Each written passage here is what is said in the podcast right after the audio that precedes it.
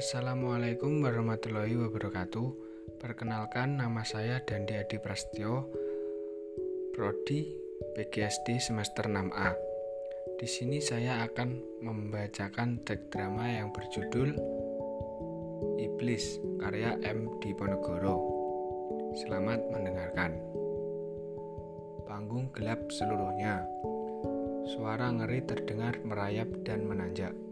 Lampu sorot yang tak kuat terpusat pada pilar depan yang terbuka perlahan-lahan.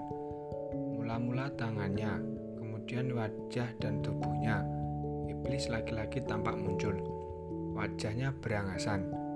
Menyeringai-nyeringai, ia memandang berkeliling. Tiba-tiba dari kegelapan yang tidak diketahui arahnya, terdengar suara Ibrahim.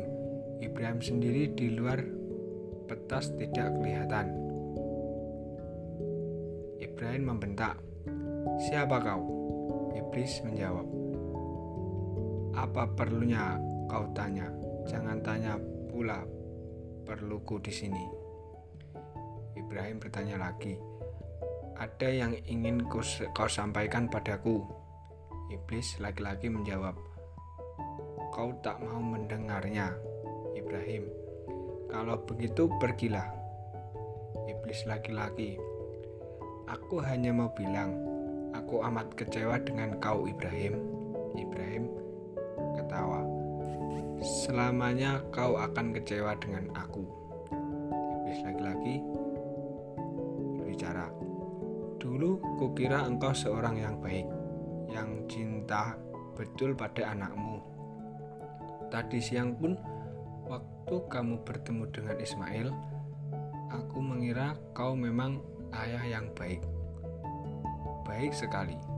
Tetapi sekarang dengan segala bukti yang ada padamu, kau ternyata seorang ayah yang amat amat jahat. Ibrahim, teruskan, teruskan. Iblis laki-laki menjawab, Hah? Bagus, jadi kau dengarkan juga omonganku. Perkataanmu amat manisnya siang tadi itu, Ibrahim. Tamasya, Tamasya ketawa. Tentu kau tahu maksud dengan Tamasya. Kau telah kelabui istri dan anakmu. Tamasya, Tamasya. Ismail senang sekali kau ajak Tamasya. Istrimu juga gembira hatinya karena kau ternyata telah menunjukkan cintamu cintamu yang palsu itu dengan berlebih-lebihan pada Ismail, Hajar jadi terlupa bahwa Ishak sudah lahir. Dan dia percaya kau akan ajak Ismail bertamasya. Ismail pun tidak tahu sama sekali sebenarnya dia akan kau sembelih di puncak gunung. Istrimu tidak tahu anak kesayangannya akan kau habisi nyawanya itulah jahatnya kau. Jahatnya kau sebagai seorang ayah dan seorang suami. Tak ada yang lebih gila dari seorang ayah yang menyembeli anaknya sendiri. Diam sejenak menanti jawaban Ibrahim yang tak juga datang. Coba tanya hatimu sendiri. Ibrahim, hati seorang ayah dari anak yang gagah dan cerdas Tegakkan kau, tegakah kau melakukan perbuatan yang keji itu? Bentak. Tegakah? Ibrahim menjawab, Aku heran, kau bisa mengatakan akan sesuatu yang benar. Iblis laki-laki berkata, Kenapa tidak? Ibrahim, bisanya omonganmu dusta melulu. Iblis laki-laki bertanya, Jadi bagaimana? Menjawab dengan tenang dan tegas, besok pasti kusembeli Ismail.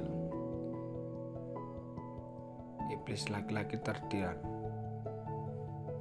Tolol, kau hanya menutup malu saja. Aku tahu, karena kau dulu pernah berjanji pada Tuhanmu kalau kau diberi seorang anak, kau rela menjelimnya demi korban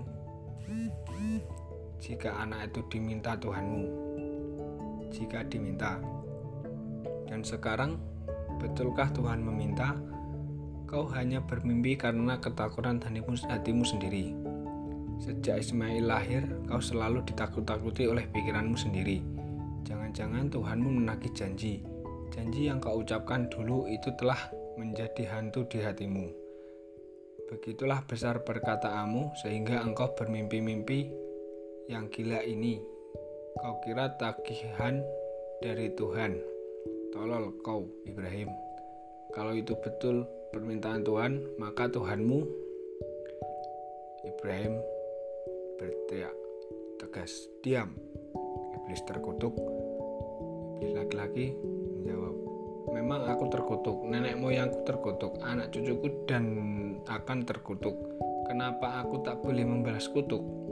Ibrahim menjawab, "Panas mulutmu iblis, tapi tak bisa kau membakar aku." Besok pasti kau sembeli Ismail.